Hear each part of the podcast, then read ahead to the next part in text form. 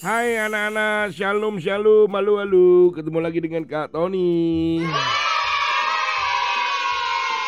Beberapa waktu lalu Amerika Serikat sedang mencari tentara. Sebetulnya sama sih dengan negara-negara lain kalau mencari tentara atau polisi. Sasarannya adalah selalu anak-anak muda tentu. Tidak bisa sembarangan anak-anak. Kalau kalian masih kecil ya usianya masih 10, 11 tahun tidak bakalan diterima sebagai calon tentara atau polisi.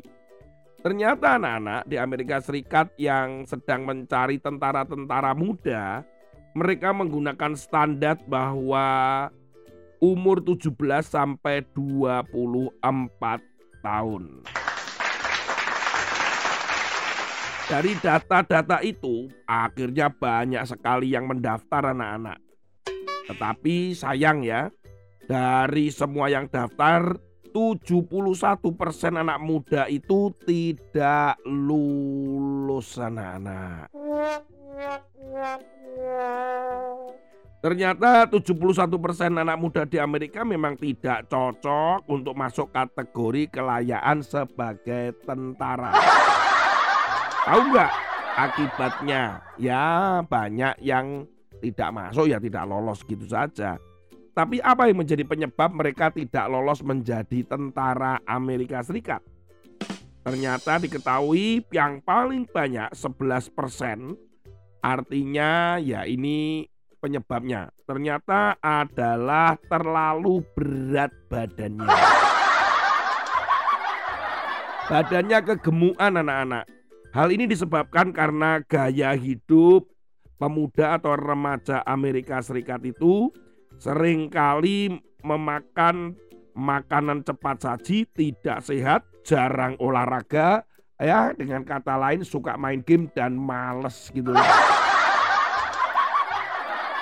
Bayangkan itu menyebabkan mereka mengalami yang namanya obesitas. Dan ini sangat serius sekali. Bayangkan banyak anak remaja pemuda tidak lolos untuk mendaftar di tentara karena kegendutan. Ya penyebab-penyebab lain sih ada yang karena kecanduan minum keras, narkoba, atau memang memiliki masalah dalam kesehatan fisik maupun mental. Nah ini yang diprihatinkan oleh pemerintah Amerika Serikat ya. Jadi bagaimana supaya anak-anak muda itu punya gaya hidup yang benar dan sehat. Mbok ya olahraga gitu. Main game aja, main game, makan main game, makan main game, makan mana bisa sehat. Tidak mengerti prioritas mana yang lebih penting. Begitu loh. Ini mana dulu yang dikerjakan. Sekolah dulu, hidup sehat dulu. Jangan main game aja kita nggak ngerti waktu, tidak tahu kapan ini yang dikerjakan yang mana duluan. Firman Tuhan aja hari ini berkata di dalam Amsal pasal yang ke-24 ayat 27 berkata demikian. Selesaikanlah pekerjaanmu di luar, siapkanlah itu di ladang, baru kemudian dirikanlah rumahmu. Anak-anak, karena pemuda dan remaja itu tidak tahu mana yang penting, mana yang duluan harus dikerjakan, mana yang duluan harus dilakukan. Kadang menjadi kacau, hidupnya kacau, menjadikan tubuhnya juga kacau. Waktunya makan nggak makan, waktunya olahraga nggak olahraga, waktunya belajar nggak olah nggak belajar juga. Waktunya istirahat malah main game dan ada di depan TV. Pokoknya kacau, kacau, kacau, kacau banget. Firman Tuhan hari ini mengatakan bahwa ayo dikerjakan satu persatu sesuai dengan kepentingan kebutuhannya sampai selesai dulu. Dikatakan kalau sudah selesai ya kembali mendirikan rumah. Jadi harus mana yang penting ini? Hari-hari ini mana yang penting menurut kalian? Coba. Apa yang penting menurut kalian? Apa? Makan. Waduh. Bukan, bukan. Yang penting bagi kita itu adalah yang penting yang pertama, yaitu mencari Tuhan. Itu penting itu. Kita dekat dengan Tuhan, mencari Tuhan, kita benar-benar hal yang terkait dengan iman itu penting. Makanya Tuhan pernah berkata, carilah terlebih dahulu kerajaan Allah dengan segala kebenarannya. Itu artinya, wah itu jadi prioritas yang utama.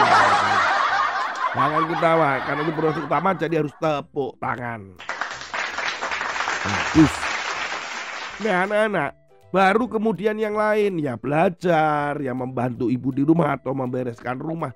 Jadi ngerti nih, jangan kemudian kita tidak tahu waktu akhirnya menjadi kacau mana dulu yang harus dikerjakan. Kalau sudah bingung begitu, pasti semuanya tidak dikerjakan. Seperti anak-anak remaja di Amerika Serikat nggak tahu waktu makan, minum, main game, makan, minum, main game, jalan-jalan. Waduh, kasihan. Tidak sesuai standar. Hidup kita juga harus sesuai dengan standar dengan hidup yang sehat. Tahu kapan, di mana, yang mana dulu dikerjakan. Oh ini dulu. Oh yang sana karya proyeknya nanti dulu.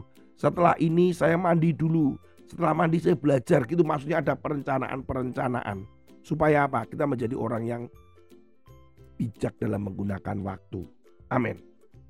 Sampai ketemu dengan Kak Tony pada episode yang lain. Amin.